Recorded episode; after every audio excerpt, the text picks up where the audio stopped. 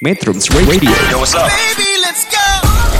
All that you want. All that you can have, boy. Got me spread like a buffet. Bon night, Now bon they appetit. always say congratulations. Come on, strip that down for me. I'm on my way. so fast. Girl, come on, strip that down for me. Yeah, yeah, yeah, yeah. Metrums Radio Media terintegrasi kaum muda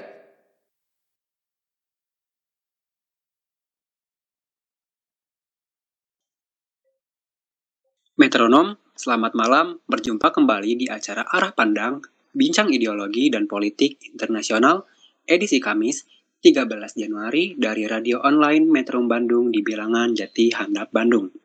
Pada edisi kali ini, Metronom selama sejam ke depan akan bersama saya, Irman Maulana. Saya adalah mahasiswa program studi ilmu hubungan internasional di International Women University.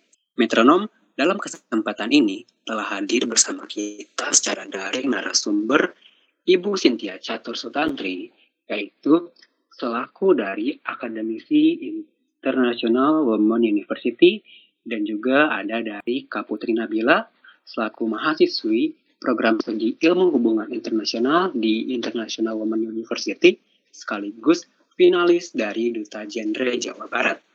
Selamat malam, Ibu Sintia Catur Sutantri dan juga Kak Putri Nabila. Apa kabar? Selamat malam Kak Irman, Alhamdulillah baik-baik. Selamat malam Kang Irman, Alhamdulillah baik. Alhamdulillah ya pada baik-baik semua. Semoga tetap baik dan sehat selalu. Terima kasih atas kehadirannya di arah pandang. Bu Sintia Catur dan Kak Putri ini akan membawakan kisah tentang perempuan dalam olahraga. Tema ini akan membahas keterkaitan perempuan dalam ya kompleks olahraga itu kan banyak ya. Dan tema sentral ini akan diuraikan secara bertahap pada sesi kedua adalah tentang perkembangan dan juga perempuan dalam olahraga itu seperti apa. Dan juga ada pada sesi ketiga adalah soal mitos terkait perempuan dalam olahraga. Dan terakhir pada sesi keempat adalah fokus pada kesimpulan apa yang kita bicarakan pada malam hari ini. Metronom untuk mendengarkan siaran radio Metrum, silakan mengunduh aplikasi Android Metrum Radio di Play Store di tautan bit.ly garis miring Metrum Radio. Satu aplikasi menjelajah berbagai platform. Bagi pengguna perangkat Apple, Metronom dapat menyimak program arah pandang melalui App Store online di Radio Box, Radio.net, atau Radionet. Atau metronom juga bisa menyimak talk show ideologi dan politik internasional ini melalui tautan bit.ly garis miring web metrum di laman situs www.metrum.co.id atau melalui Radio Garden melalui tautan bit.ly Radio Garden Metrum atau melalui aplikasi radio lainnya, gunakan saja kata kunci Metrum Radio. Bagi yang tidak dapat mendengarkan pada Kamis petang ini, Metronom masih dapat mendengarkan ulang rekaman taksau berupa podcast di beberapa aplikasi podcast bagi pengguna perangkat Android maupun Apple. Gunakan saja kata kunci Metrum Radio. Baik, Metronom, kita jeda sebentar dan bertemu kembali pada sesi kedua. Metrums Radio. Media terintegrasi kaum muda.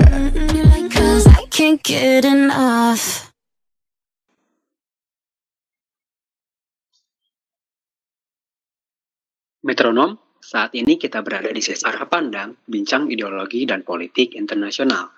Baik, untuk narasumber kita yang pertama, Ibu Sintia Catur, di sini kita akan membahas tentang perempuan dalam olahraga.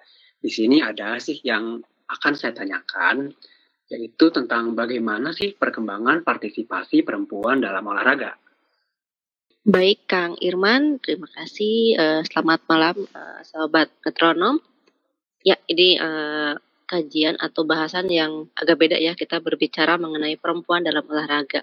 Nah, kalau ditanya gimana sih perkembangan partisipasi perempuan dalam olahraga, mungkin kalau kita melihat eh, sejarahnya dulu itu sering kali olahraga diidentikan hanya milik kaum laki-laki atau kaum maskulin gitu.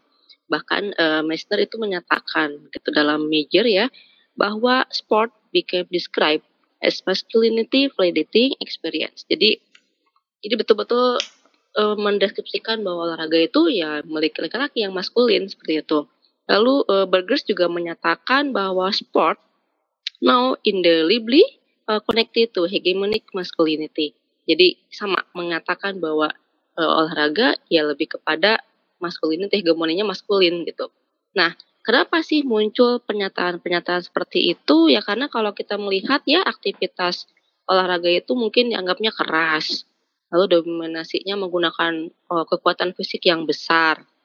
Nah, padahal mungkin kalau kita bicara lagi terkait gender, ya olahraga bisa dilakukan oleh siapa saja gitu kan. Karena sebetulnya lewat olahraga ini justru bisa mengubah hidup perempuan.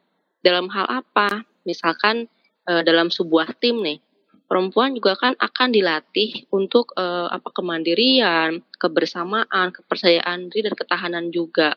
Nah, lalu juga pada masalah sosial yang sekarang ini muncul, e, ternyata perempuan juga kok sering kali gitu ya disimpan dalam posisi yang nggak penting misal nih. Bukan nggak penting dalam artian tidak menjadi posisi sentral gitu. Misal dalam sebuah ajang olahraga perempuan dalam olahraga motor ya biasanya balap motor balap mobil gitu kan suka dijadikan terutama balap motor ya itu ada umbrella girls gitu kan. Nah ini kan hanya sebagai pemanis gitu ya hanya sebagai uh, objek pelengkap gitu kalau dibilang. Atau dalam olahraga tinju nih kan suka ada orang-orang yang perempuan yang bawa-bawa papan ronde ya itu kan juga berpenampilannya berbeda. Atau juga kalau ada olahraga basket nih suka dijadikan sebagai pemandu sorak. Nah itu kan menunjukkan bahwa ada penempatan yang tidak dijadikan prioritas dalam sebuah olahraga. Nah padahal kalau kita lihat nih sekarang perkembangannya ya eh, ternyata banyak sekali perempuan yang aktif dalam bidang olahraga bahkan menjadikan olahraga itu sebagai salah satu apa ya eh, lahan untuk memperoleh pendapatan gitu meningkatkan eh, ke kebutuhan ekonomi juga jadi terpenuhi dengan keikutsertaannya dalam olahraga karena misal di situ kan kalau juara dapat bonus lalu kalau misalkan dalam masyarakat juga dia kadang diberikan inilah apa kalau iklan-iklan ya jadi endorse gitu, di endorse. Nah ini juga bisa meningkatkan juga kepercayaan diri perempuan dalam bidang olahraga. Dan tetap mereka beraktivitas fisiknya ya jadi atlet misalkan olahraga kan ya sama tadi ya mau perempuan mau laki-laki akan diberikan beban yang sama dalam hal kekuatan fisiknya seperti apa ada tes fisik untuk mencapai sebuah eh, prestasi dalam kejuaraan. Lalu juga kalau kita melihat lagi semua orang itu baik laki-laki maupun perempuan kan tidak terlahir langsung sebagai atlet gitu ya.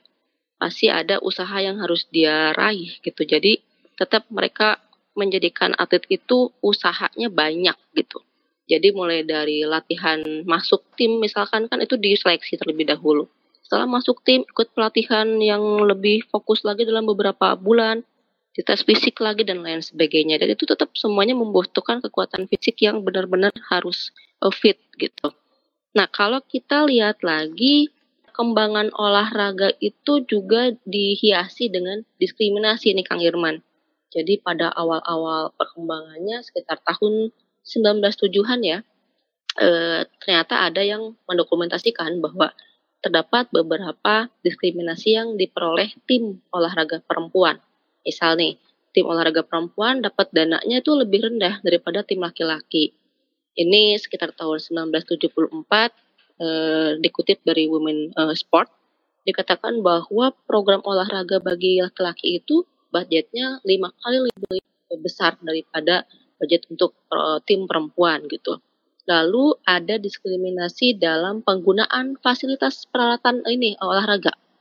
Misal, perempuan menggunakan gedung olahraga yang sudah usang. Nah, sedangkan laki-laki dia menggunakan yang baru dibangun misalkan. Lalu juga ada penggunaan peralatan yang digunakan perempuan itu biasanya bekas yang digunakan oleh laki-laki gitu kan.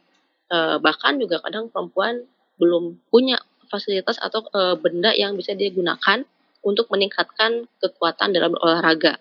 Lalu juga dalam penggunaan jadwalnya nih, kalaupun dia memperoleh tempat yang sama, tapi jadwalnya tidak sesuai dengan waktu yang pas untuk berlatih misalkan. Itu. Uh, hal lain ini juga yang ya katanya ya ada pada saat itu jika sebuah tim harus berangkat ke lokasi pertandingan, kalau untuk yang laki-laki katanya dia menggunakan pesawat, sedangkan yang perempuan cukup menggunakan bis. Itu contoh. Dan yang terakhir mengenai liputan di media nih. Kalau liputan di media terkait perempuan dalam olahraga bisa dikatakan kurang gitu. Padahal kan kalau kita lihat lagi, olahraga laki-laki itu lebih banyak ditayangkan dalam televisi. Misal sepak bola itu paling banyak gitu ya. Atau mungkin eh, banyak lah ya om- otomotif ya, balap motor, balap mobil. Ternyata kan identiknya dengan laki-laki gitu. Nah, padahal juga kalau kita melihat eh, olahraga itu kan kegiatan fisik yang sistematis, teratur gitu ya. Jadi siapa pun bisa melakukan olahraga untuk menjaga kesehatan tubuhnya. Nah, jadi ya nggak harusnya nggak ada perbedaan, nggak ada diskriminasi antara olahraga bagi laki-laki maupun perempuan karena tujuannya tadi untuk menjaga kesehatan, kebugaran, juga prestasi gitu. Eh, kalau kita lihat lagi ada penggunaan jenis kelamin itu kan lebih kepada tim putra atau tim putri. Mungkin itu yang membedakan. Tapi kalau hal-hal lain, masalah aturan bermainnya juga akan sama, tidak ada yang dibedakan. Gitu sih mungkin ya Kang, kalau masalah perkembangannya hingga saat ini, walaupun sekarang nih udah ada kan eh, tim putri Garuda nih sekarang mulai mulai dimunculkan di media massa ya. Kemarin saya baca di beberapa headline media massa itu tim putri Garudanya sudah mulai dimunculkan walau mungkin masih tuh yang diangkat adalah seksualitasnya. Misal wah ini kipernya Indonesia cantik nih badannya eh, apa proporsional sekali dan lain sebagainya. Itu itu yang masih diangkat gitu. Itu mungkin Kang Oke, baik. Ya, ada narasumber kita ini, Bu Cynthia Catur. Tadi sudah dijelaskan perkembangannya kan, bagaimana perkembangan dan sudah dijelaskan juga dari sejarahnya ya Bu. Tadi terkait zaman dulu tuh sangat-sangat olahraga tuh sangat identik dengan masculinity, padahal kan sejatinya olahraga itu untuk kesehatan, bener gak sih? Nah, dan juga tadi perkembangannya ada ya semakin berkembang ada diskriminasinya juga sampai akhirnya ada peningkatan terhadap perempuan di dalam olahraga. Oke, eh, baiklah di situ eh, maaf mohon maaf di sini saya akan bertanya kembali eh, dari yang sudah dijelaskan tadi apakah ada penyebab khusus terjadinya peningkatan partisipasi perempuan dalam olahraga? Oke, tadi ya masalah peningkatan ini. Eh, saya melihat ya ada data. Ini di tahun 1900-an tuh sudah mulai muncul nih eh, peningkatan partisipasi perempuan dalam olahraga. Eh, terutama partisipasi saat olimpiade. Nah, yang pertama itu pada tahun 1900-an di Paris, itu jumlah atlet perempuannya itu hanya 11 orang atau sekitar 0,01 persen. Nah, selanjutnya ada peningkatan yang cukup pesat ya. Eh, ini pada tahun 2016 pada Olimpiade di Rio de Janeiro itu menjadi 4.500 orang perempuan atau sekitar 45% dari jumlah keseluruhan atlet yang ikut Olimpiade. Kemungkinan terus dia terus lagi naik-naik lagi eh, di tahun 2018 nih di Pyongyang. Itu ada Olimpiade musim dingin, jumlahnya mencapai 1242. Itu ada penurunan sedikit ya, ada tahu sekitar 43% dari seluruh peserta. Nah, lalu pada Olimpiade Tokyo tahun 2020 kemarin eh, memiliki apa ya misi lah misi untuk mewujudkan partisipasi perempuan mencapai 50% dari keseluruhan peserta. Nah ini dikatakan bahwa kesadaran para perempuan ini untuk aktif dalam bidang olahraga ternyata semakin meningkat. Apalagi kan eh, mereka memiliki akses yang mudah sekarang untuk mengikuti aktivitas fisik atau aktivitas olahraga gitu. Lalu juga kalau kita melihat nih prestasinya Kang, jadi peningkatannya tidak hanya keikutsertaannya saja, apalagi mungkin kalau sekarang sudah banyak ya olahraga yang eh, mudah diikuti perempuan. Kayak mungkin sudah sejak lama ada istilah body language, lalu ada yoga. Sekarang juga ibu-ibu senam, aerobik, terus juga sudah mulai nih merambah ke dunia eh, bersepeda misalkan ya. Kan di zaman pandemi ini banyak orang beralih ke bersepeda, banyak juga ibu-ibu yang mengikuti kegiatan seperti itu. Tapi kita kembali ke prestasi karena salah satu eh, daya tariknya tuh ke sana ke arah prestasi gitu. Nah, prestasi perempuan dalam olahraga juga bisa dilihat dengan keikutsertaannya dalam ajang olimpiade tadi ya. Eh, dikatakan dari apa ya dari IOC ya dari IOC itu dikatakan atau International Olympic Committee itu dikatakan bahwa eh, awal mulanya perempuan yang ikut olimpiade itu hanya pada cabang olahraganya tenis, kriket, berlayar, menunggang kuda dan golf. Hanya sedikit. Tapi sekarang hampir semua cabang olahraga itu diikuti oleh perempuan. Sepak bola sudah ada, hoki, bela diri juga sudah banyak ya triathlon sampai pentaton juga kebanyakan perempuan juga ikut gitu. Jadi di sini profesi tadi ya saya bilang juga banyak juga perempuan yang menjadikan profesi sebagai atlet ini uh, sebagai upaya lah untuk menggantungkan hidupnya gitu kan dalam sebuah ajang yang bergengsi lah sampai internasional gitu. Nah kalau kita lihat juga kan di Indonesia nih ada sosok Susi Susanti misal itu kan dulu siapa sih nggak kenal ya zaman saya SD tuh kalau main badminton pasti pingin kayak Susi Susanti gitu ya Kang. Kang Irman ngalamin nggak nih zamannya Susi Susanti atau udah nggak musim ya udah udah lewat kali masanya ya? Iya udah lewat tuh kalau Udah saya lewat ya? tahu aja sih sejarahnya gitu Ada ya tentang pra- prestasinya. Oke, itu terus juga muncul ya Yayuk Basuki kayak gitu-gitu ya, pemain tenis ya. Ini ya cukup memberikan dampak yang baik terhadap keikutsertaannya dalam eh, olahraga gitu.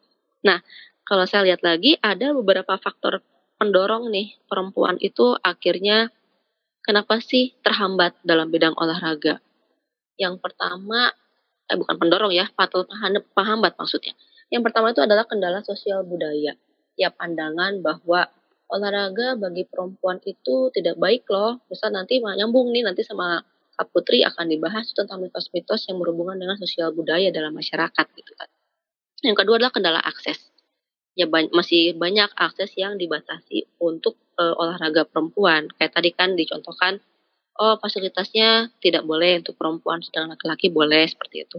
Lalu ada kendala afektif yang muncul dari pandangan benar atau salah gitu. Oh perempuan ikut ini tuh nggak bener loh nanti merusak gitu ya eh, fisiknya nanti membuat jadi ototnya lebih kekar dan lain sebagainya nanti dibahas lebih lanjut. Lalu kendala fisiologis juga sama kan keterbatasan fisiknya katanya dianggap lemah segala macam. Itu juga jadi menghambat pergerakan perempuan. Lalu masalah sumber daya. Karena tadi faktor yang di atas sosial budaya dan lain sebagainya ya perempuan jadi ter memilih mundur. Daripada saya ikutan olahraga lalu dicap yang tidak baik eh, mendingan dia mundur gitu kan. Dan yang keenam adalah kendala interpersonalnya. Ya tadi kan akhirnya merasa minder lalu tidak percaya diri dan lain sebagainya itu menjadi faktor yang menghambat Eh, nah menurut Koklei itu dikatakan bahwa lima faktor utama itu muncul yang akhirnya mendorong nih perempuan bisa meningkat eh, apa partisipasi dalam olahraganya. Karena yang pertama ada peluang baru. Ya peluang-peluang dari tadi cabang olahraga yang membuka tim perempuan itu bisa menjadi peluang baru atau olahraga-olahraga yang lebih eh, ramah, misalnya gitu ya ramah terhadap perempuan kayak tadi yoga dan lain sebagainya. Lalu juga munculnya undang-undang persamaan hak dari pemerintah. Misalkan juga konvensi CEDAW ya, itu yang diratifikasi oleh Indonesia dengan Undang-Undang Nomor 7 Tahun 84 juga cukup meningkatkan partisipasi di Indonesia terutama ya terutama perempuan dalam olahraganya. Lalu kalau kita bicara Undang-Undang Dasar 45 juga pada pasal 27 ayat 1 dikatakan bahwa negara tidak membedakan setiap warga negaranya untuk salah dalam segala hal baik itu perempuan maupun laki-laki gitu. Itu contoh yang di Indonesia. Lalu untuk gerakan-gerakan hak perempuan global itu juga sudah banyak ya gerakan feminisme dan lain sebagainya itu sudah sering kali dilakukan sehingga mendorong pergerakan perempuan dalam berbagai macam eh, kegiatan gitu. Lalu yang utama terkait olahraga juga adalah gerakan kesehatan dan kebugaran yang meluas. Yaitu tadi ya munculnya olahraga-olahraga baru itu yang lebih tren itu memudahkan perempuan untuk ikut dan ya tadi aja trending aja jadi jadi sebuah kebutuhan pada akhirnya gitu. Dan yang terakhir adalah mulainya banyaknya liputan media atau publikasi tentang perempuan dalam olahraga. Jadi saat sosok yang dimunculkan memang lebih ke seksualitasnya, wah menarik nih perempuan dalam olahraga membentuk tubuh yang ideal dan lain sebagainya. Orang ingin langsing, ingin apa, itu ada tips-tipsnya. Dimunculkan eh, sosok atlet yang memang menarik sekali. Nah ini kan juga dari liputan-liputan atau publikasi-publikasi ini mendorong aktivitas perempuan dalam olahraga. Eh, lalu juga ada beberapa publikasi ya yang khas gitu yang mengenai gerakan kaum perempuan dalam olahraga.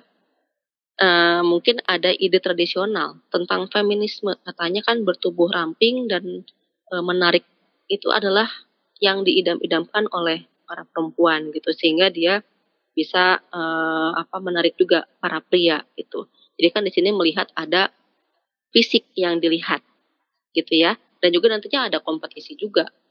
Orang-orang berkompetisi untuk memunculkan tubuh yang ideal seperti itu.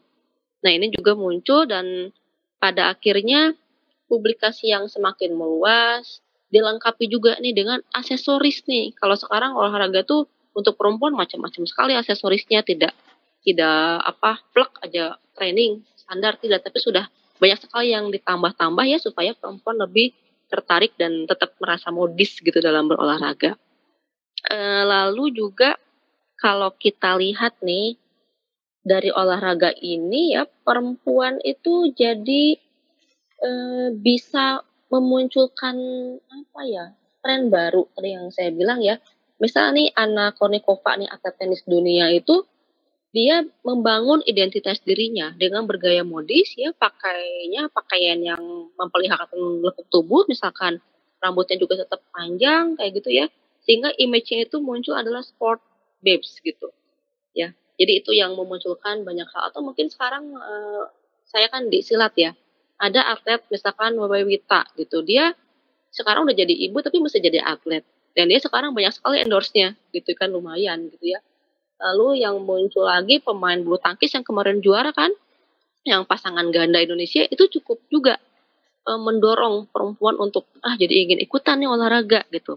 Itu mungkin salah satu uh, apa ya hal yang tadi muncul dalam media nih. Salah satunya eh, prestasi-prestasi uh, ini bisa nih menjadikan faktor penarik orang-orang terutama perempuan untuk aktif dan diterima dalam olahraga ya lalu juga dari UN uh, apa Women juga mereka sudah ada upaya uh, ada koalisi ya untuk mempercepat mempromosikan perempuan dalam kesetaraan gender dalam berbagai bidang ya, termasuk dalam olahraga gitu. Jadi nanti kan dari olahraga juga dia bisa menaikkan peluang ekonomi yang setara, lalu juga dia jadi bebas bias gender di media, lalu kesamaan yang sama dalam bidang aktivitas fisik, nanti juga ngaruh ke pendidikan biasanya. Nah ini sudah di, di, di, apa, diupayakan oleh UN Women gitu. Gitu Kang Irman dalam berbicara mengenai penyebab ya peningkatannya dari mana tadi dari prestasi dan juga dari uh, apa dari media massa juga yang mendorong informasi atau berita mengenai perempuan dalam olahraga gitu. Oke, baik. Terima kasih ya dari narasumber pertama kita ini. Di situ kita tahu ya sejarahnya bahwa tadi dikatakan miris sekali uh, yang awalnya ke ter keterikatan perempuan dalam olahraga itu cuma 0,01 persen teman-teman. Bahkan satu persen pun enggak gitu. Dan alhamdulillah semakin berkembangnya kan karena prestasi dan juga media akhirnya perempuan bisa um, bergabung dalam olahraga. Oke, usai ini selanjutnya di sesi ketiga metronom akan lebih jauh diajak memahami tentang mitos terkait perempuan dalam olahraga. Wah, pasti pembahasannya seru ya karena kita bahasnya mitos nih teman-teman. Baik, metronom demikian sesi kedua berlalu. Jangan ke mana-mana dulu, sampai jumpa di sesi ketiga. Metrums Radio Media terintegrasi kaum muda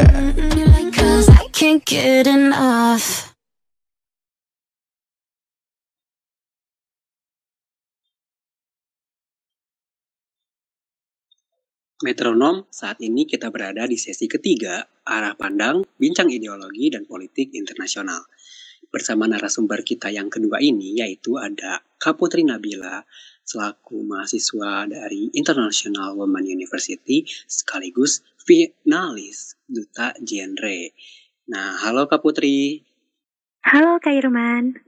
Oke, di sini kita akan bicara soal mitos ya. Ini sangat kayaknya tuh waduh gitu kan Seru banget kan kalau dibahas mitos ini. Saya boleh nanya nggak? Boleh dong. Oke, jadi ini nih yang saya ingin tanyakan ya. Apa saja mitos yang berkembang di dalam masyarakat terkait olahraga bagi perempuan? Nah, Oke, nah bener banget Kang Irman. Kalau kita ngomongin tentang mitos ini nggak ada habis-habisnya ya. Dari masyarakat zaman dulu sampai sekarang masyarakat penuh dengan disrupsi digitalisasi dan juga globalisasi ini. Ternyata masih ada saja mitos-mitos yang mengarah ke diskriminasi gitu. Dan ini ternyata mitos-mitosnya ini berkembang tidak hanya pada tingkat yang amatir saja, tapi ternyata di nasional pun ada. Dan di lingkup masyarakat yang paling terdekat dengan kita. Di antaranya apa aja sih mitos-mitosnya? Nah, yang pertama, ini dia. Nah, kadang partisipasi yang keras bagi perempuan nih bisa mengganggu kemampuan untuk melahirkan. Pernah nggak sih ada yang bilang kayak, eh jangan olahraga terus, nanti susah loh buat hamil, buat ngelahirin gitu. Nah, ternyata hal ini tuh tidak ya, uh, tidak benar. Ini adalah mitos. Nah, yang paling harus kita garis bawahi, ternyata ini tidak akan mengganggu perempuan hamil ataupun melahirkan. Karena kenapa? Karena otot pelvis nih yang kita punya nih perempuan itu akan fleksibel dan akan melahirkan secara normal. Jadi kalau misalkan ada yang dengar nih kalau perempuan itu akan sulit untuk melahirkan untuk hamil, nah itu salah ya. Terus yang kedua nih, aktivitas beberapa olahraga pada cabang olahraga nih bisa merusak organ reproduksi perempuan dan payudaranya. Misalkan kayak gini, eh lu jangan apa main lompat tali takutnya nanti payudaranya kayak kendur. Nah, ternyata itu tuh mitos yang sampai sekarang ada di masyarakat. Nah, kadang di masalah merusak organ reproduksi misalkan, eh jangan terus-terusan olahraga ini misalkan nanti ngerusak organ reproduksi kamu, nanti nggak lancar. Nah, ini salah ya. Nah, kita kan punya namanya uterus. Nah, uterus ini adalah organ internal yang Padahal organ ini tuh bisa anti getaran loh, anti getaran dan juga lebih terlindungi dibandingkan organ vital pria. Jadi tidak akan merusak organ reproduksi. Yang ketiga, mitosnya itu yang berkembang, uh, ada nggak sih yang bilang kayak gini? Wanita itu punya struktur tulang yang lebih lemah gitu. Ada yang bilang kayak gitu ya, kayak rapuh nih wanita itu. Nah itu hanya sebuah istilah saja ya. Ternyata perempuan itu tidak lebih lemah loh dari laki-laki itu. Tetap mempunyai struktur tulang yang tidak lemah dan bahkan ya dengan tubuh wanita yang berat badan yang seperti itu dan berat otot yang wanita lebih ringan itu malah membuat wanita bisa menghadapi bahaya lebih sedikit dibandingkan pria. Terus yang keempat nih Kang Irman. Ada yang bilang seperti ini uh, keterlibatan yang sangat aktif gitu ya perempuan dalam olahraga itu bisa mengganggu masalah menstruasi. Ya, di antaranya juga bisa mengganggu, tapi bisa juga tidak. Nah, ini bisa dikatakan benar ketika si perempuan ini melakukan olahraganya sangat keras dan juga sangat uh, terus-terusan dilakukan. Misalkan pada penari balet, biasanya penari balet ini mengalami gangguan menstruasi karena mereka melakukan uh, kegiatan olahraga tersebut. Nah, ini pasti akan berakhir kok. Jangan khawatir. Ini tidak akan terus-terusan mengganggu pada organ reproduksi dan masalah menstruasi. Jika olahraganya itu sudah selesai, maka akan mengalami perubahan siklus menstruasi lagi. Terus yang kelima, mitos yang berkembang nih. Kadang ada yang bilang kayak gini, e, perempuan itu kalau olahraga bisa jadi ototnya menonjol dan tidak menarik gitu. Kayak laki-laki nih kayak lebih berotot. Nah, padahal kondisi fisik yang seperti itu tuh setiap wanita kan berbeda-beda ya. Nah, mungkin setiap orang, uh, setiap wanita melakukan olahraga tapi tidak menonjol terus ke ototnya gitu. Nah, ini harus kita luruskan. Gak semuanya wanita yang berolahraga itu pasti akan mempunyai otot yang menonjol. Nah, ini dipengaruhi oleh apa? Nah, oleh hormon androgen. Ternyata wanita pun ada hormon, hormon, hormon androgen gitu ya. Nah, ini bervariasi. Ketika hormonnya itu lebih tinggi, maka wanita akan bisa membentuk kondisi fisik yang ototnya lebih menonjol. Jadi setiap wanita itu mempunyai variasi yang berbeda gitu. Nah, ini yang harus kita luruskan. Nah, kadang dari kelima mitos itu ya Kang Irman, Bu Catur, nah kita melihat itu tidak beralasan dengan wanita gitu. Dari berolahraga, kadang itu bisa menjadi melemahkan wanita. Nah, mitos-mitos ini tuh masih aja dianggap oleh masyarakat sekitar kita dan bahkan di kelas amatir dan nasional pun masih ada gitu. Jadi untuk melawan mitos-mitos ini, kita harus melakukan uh, yang namanya edukasi terhadap uh, masyarakat gitu. Kenapa edukasi penting atau pendidikan ini penting? Karena jalur ini adalah jalur yang paling tepat. Ketika kita memberikan edukasi yang tepat mengenai olahraga uh, dan juga perempuan di dalam olahraga tersebut, maka mereka akan berubah persepsinya gitu. Ketika mereka merubah persepsi yang lebih baik lagi, maka tidak akan ada lagi pola diskriminasi yang terjadi dalam masyarakat. Kadang ini ya karena mereka tidak tahu atau mereka uh, tahu dari hal-hal yang mitos itu yang sudah lama budaya itu sudah lama di masyarakat akhirnya mereka melakukan stigmatisasi diskriminasi nah hal itu bisa yang tadi aku bilang poinnya dengan cara edukasi dan juga tadi mem membuat si peran perempuan ini dalam olahraga itu terus ditonjolkan gitu. Agar apa? Ketika perempuan dalam peranan olahraga ini semakin ada, semakin meningkat, maka ini tidak akan membatasi wanita untuk membantu uh, membangun kemampuan dalam olahraga dan juga membuat mereka peluangnya lebih banyak gitu. Nah, jika pengalaman dan peluang bagi wanita itu dan pria sama gitu dalam olahraga, maka perbedaan ini akan hilang secara bertahap. Jadi pada beberapa cabang olahraga perbedaan ini mungkin ada, namun pada cabang-cabang lainnya perbedaan ini malah terjadi sebaliknya gitu. Nah, Kang Irman, jika kita kelas balik lagi, misalkan seperti pelari maraton wanita nih, Grete Weiss dari Norwegia, mencatat waktu 2 jam 25 menit 41 detik pada New York City Marathon.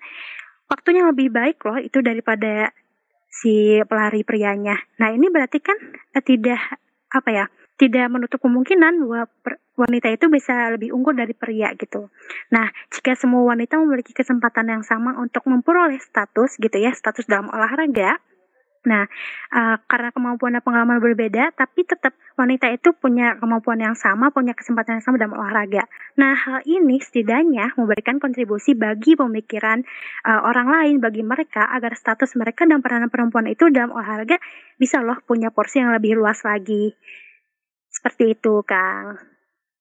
Oke, baik. Terima kasih dari Kak Putri Nabila atas ya penjelasannya terkait mitos dan memang benar ya dulu kecil, dulu waktu saya kecil juga, saya kadang suka dengar dari orang-orang tua zaman dulu, kamu jangan gini loh, nanti kamu kayak gini, kamu jangan kayak gitu loh, nanti kamu kayak gini gitu kan.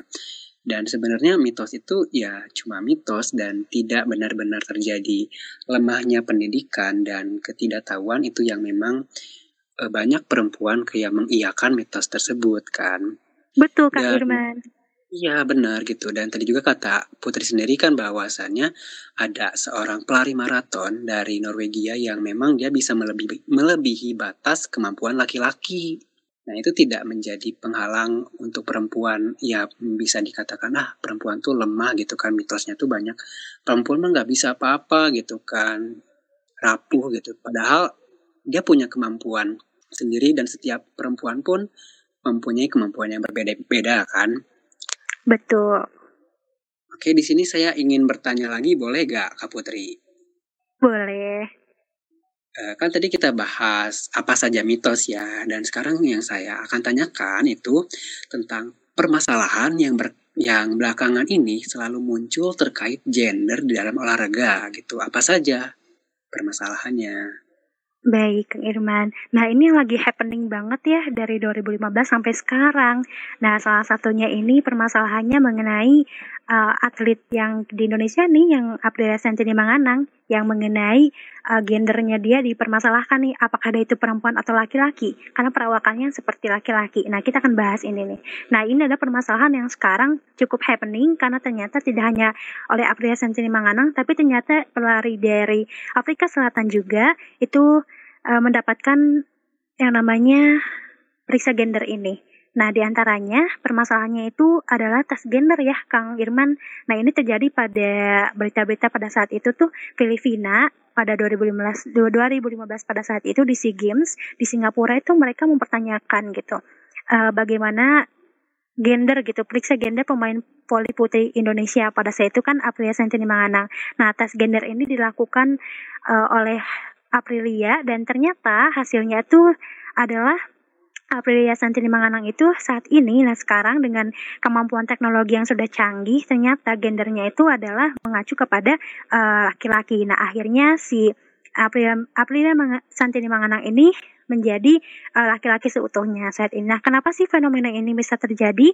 Karena ternyata fenomena ini terjadi itu perbedaan gitu. Setiap orang itu ternyata punya hormon yang berbeda-beda. Nah, bisa jadi dia perawakannya itu seperti perempuan, tapi eh, seperti laki-laki maaf, tapi perempuan. Nah, itu dipengaruhi oleh hormon yang berbeda-beda di setiap uh, perempuan gitu. Bisa jadi perempuan itu kelebihan hormon uh, dari hormon perempuannya atau hormon laki-laki testosteron ataupun hormon androgen yang ada di dalam uh, perempuan tersebut. Nah, jadi inilah yang membuat uh, tes gender ini di dalam olahraga ini diperlukan gitu karena tadi adanya kelainan hormon gitu. Nah, tes gender ini jadi happening ya sekarang-sekarang. Nah, ini jadi permasalahan karena ternyata tes gender ini menjadi sensitif gitu, Kang. Kontroversial di antara beberapa uh, pihak orang gitu. Kadang orang yang melaksanakan melaksanakan tes gender ini ada yang merasa bahagia karena dia bisa gender yang aslinya seperti apa, adapun yang tersinggung gitu. Nah, uh, menurut aku uh, ini menjadi permasalahan karena kenapa? Mungkin ini menjadi stigmatisasi kepada perempuan. Apakah perempuan itu harus seperti perempuan layaknya bentuk tubuhnya gitu? Karena ternyata nggak semuanya perempuan yang selayaknya dikatakan oleh konstruksi sosial itu perempuan tubuhnya seperti itu. Ternyata bukan hanya seperti itu loh gitu. Ini menjadi stigmatisasi gitu. Ini permasalahan juga. Nah, ini menjadi sangat kompleks. Kenapa sekarang Aprilia Sentini Manganang gitu ya bisa diketahui sebagai pria? Nah, kenapa nggak dari 2015 ya? Karena permasalahan ini kan sangat kompleks dan ketika kita melaksanakan tes gender ini ternyata pemeriksaannya juga sangat kompleks. Nah, makanya sekarang setelah zamannya sekarang tahun 2021 dengan banyaknya uh, apa ya dengan banyaknya teknologi yang sudah berkembang nah di sini baru diketahui saat ini Nah, orang awam kadang mengartikan gitu ya, gender itu sebagai jenis kelamin gitu, saya padahal gender ini adalah suatu konstruksi sosial yang dibangun gitu. Nah, Uh, secara ilmiah, keduanya memiliki pengertian berbeda gitu. Kalau seks kan mengacu kepada hal-hal yang berkaitan dengan ciri-ciri biologis, misalkan seperti jenis kelamin dan penentuan jumlah kromosom gitu. Nah, seks atau jenis kelamin juga dinilai sebagai sesuatu yang mengacu pada perbedaan psikis dan psikologis antara perempuan dan laki-laki, termasuk juga karakteristik primer seksnya dan juga karakteristik sekunder seperti ukuran tubuh dan masa otot. Nah, Menurut Malcolm Collin, seorang ahli biokimia medis yang mengambil spesialisasi kedokteran olahraga di University of Cape Town, tes gender ini ternyata dalam ajang olahraga adalah bentuk bentuk aturan yang fair gitu. Tapi ini menjadi masalah gitu. Peraturan ini berlaku untuk perempuan yang memproduksi hormon androgen yang tadi aku bilang, terutama yang melebihi level normal. Ini berefek samping pada postur, postur dan karakteristik biologis perempuan yang seperti laki-laki gitu. Nah, jadi tubuhnya itu berkembang memiliki massa otot yang lebih besar gitu, kelihatan lebih maco gitu mungkin ya.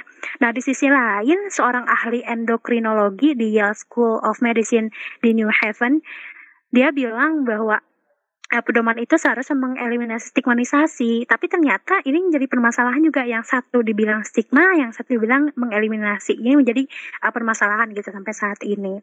Dari penjelasan tersebut kita bisa simpulkan gitu ya Kang Irman, tes gender ini memperlihatkan kepada masyarakat luas ter ternyata terdapat banyak loh variasi seks di dalam tubuh manusia. Jadi bukan hanya seks uh, jenis kelamin, melainkan komponen-komponen di dalamnya, komponen-komponen di dalam biologis seperti kapasitas kromosom dan hormon seseorang. Satu hal yang jadi penting ya Kang Irman, tes gender ini hadir karena peraturan dan ketentuan dalam ajang olahraga yang jelas-jelas bersifat sangat biner. Nah, ini yang menjadi masalah gitu saat ini yaitu tes gender. Itu paling Kang Irman. Oke, baik ya. Terima kasih dari Putri. Memang benar nih teman-teman metronom, uh, waktu itu juga saya sempat kaget ya terkait kasus uh, Manganang ini kan. Saya lihat itu bahwa ini orang kok perempuan tapi mukanya sangar, badannya kekar. Jadi sebenarnya apa gitu kan? Karena memang saya dulu juga awam kan tidak tahu uh, gender dan seksualitas kan. Dan ternyata permasalahannya itu ada pada apa tadi tuh Kak? Uh, ini ya, tes gender. Iya dari tes gender dan karena hormon androgen dan terutama dari hormon testosteron yang melebihi levelnya gitu. Oke, jadi dari tes gendernya, kadang ada atlet yang merasa senang gitu kan. Oh, jadi dia tahu gendernya apa dan juga ada artis mm -hmm. yang sih juga kok saya tuh perempuan tapi kok masih dites dites gitu ya mungkin gitu kan. Iya. Iya. yeah. Oke, eh, baik eh, bagaimana eh, aduh maaf kita akan menuju ke sesi keempat ya teman-teman tentang kesimpulan terkait perempuan dalam olahraga. Baik metronom demikian sesi ketiga berlalu. Sampai jumpa di sesi keempat. Metrums Radio. Media terintegrasi kaum muda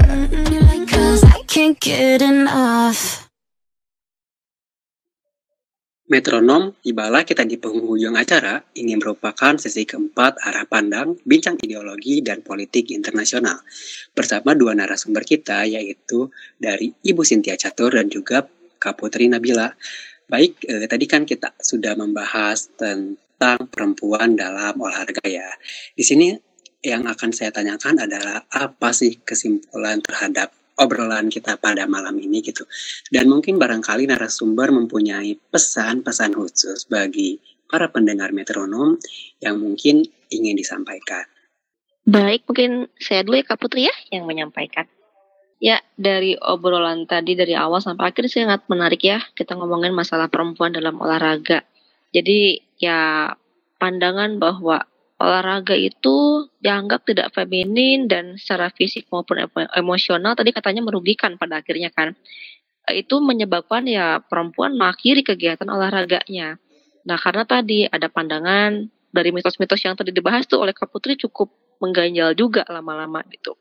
Tapi kan e, seiring dengan berjalannya waktu dan tadi adanya akses, kemudahan, persamaan apa atau kesetaraan gender dalam segala bidang, undang-undang yang menaungi dan lain sebagainya, akhirnya perempuan menjadi terus terdorong untuk aktif. Apalagi sudah muncul nih prestasi-prestasi yang ditorehkan oleh para atlet perempuan dan tidak hanya prestasi dari sana mereka juga bisa meningkatkan lagi nih perekonomian keluarga misalkan ya bahkan ya tetap saja tadi walaupun sudah jadi atlet tidak terganggu tuh eh, apa namanya dari segi fisiknya. Ya mungkin contoh saya nih Kang eh, sebagai contoh ya real gitu. Kalau tadi katakan mitos. Eh, masa sih mitos? Iya.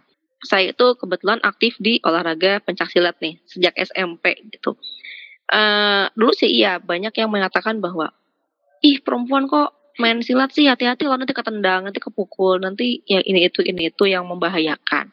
Tapi alhamdulillah setelah saya aktif di sana dan mengikuti sesuai aturan, sesuai arahan pelatih, itu aman-aman saja dan bahkan ya kalau bicara alhamdulillah saya melahirkan dua kali itu normal dua-duanya. Dan tanpa dijahit juga itu mungkin banyak perempuan yang pingin ya, tapi alhamdulillah dan mungkin tidak semua perempuan juga sama sih kondisi fisiknya, cuman ya alhamdulillah saya ternyata dimudahkan dengan aktif dalam berolahraga gitu. Lalu juga kalau bicara mitos-mitos lain, katanya kalau olahraga itu ototnya menonjol. Kalau kita bicara bela diri juga kan sebetulnya bisa mendorong badan jadi kekar dan segala macam. Tapi kalau orang-orang lihat saya kayaknya biasa aja tuh tidak ada uh, otot yang menonjol dan khas. Tapi memang emang jadi lebih lebih apa sih lebih, lebih berisi lah kalau bisa dibilang walaupun kecil tapi berisi gitu ya. Itu sih yang saya rasakan dan uh, kegiatan olahraga itu itu jadi lebih uh, apa stamina-nya lebih baik dalam hal kegiatan sehari-hari gitu. Walaupun emang malamnya harus benar-benar istirahat total, tapi pas melakukan kegiatan siang hari itu lebih fit kalau kita sudah aktif dalam berolahraga gitu. Jadi intinya uh, prestasi yang telah perempuan raih, lalu juga tadi masalah media sosial atau dari publikasi media massa itu memang sangat mendorong partisipasi perempuan dalam olahraga. Bisa jadi sosok idola gitu ya bagi para perempuan untuk terus aktif dalam olahraga meskipun mungkin uh, si media masa ini menonjolkan seksualitasnya gitu. Menunjukkan bahwa ini loh menariknya perempuan dengan body yang seperti itu orang jadi tertarik lebih ke sana arahnya. Tapi mungkin pesan saya tetap saya saja uh, masih sepakat dengan pepatah lama lah ya istilah mensana in corpore sano. Di dalam tubuh yang sehat terdapat jiwa yang kuat itu masih uh, saya pegang sampai sekarang. Jadi untuk para perempuan jangan khawatir untuk ikut berolahraga, untuk berprestasi dalam olahraga ternyata dari sana akan banyak manfaat yang akan didapatkan oleh teman-teman gitu. Mitos-mitos yang berlaku kita pelajari dulu baik-baik apakah itu mitos atau atau fakta ya.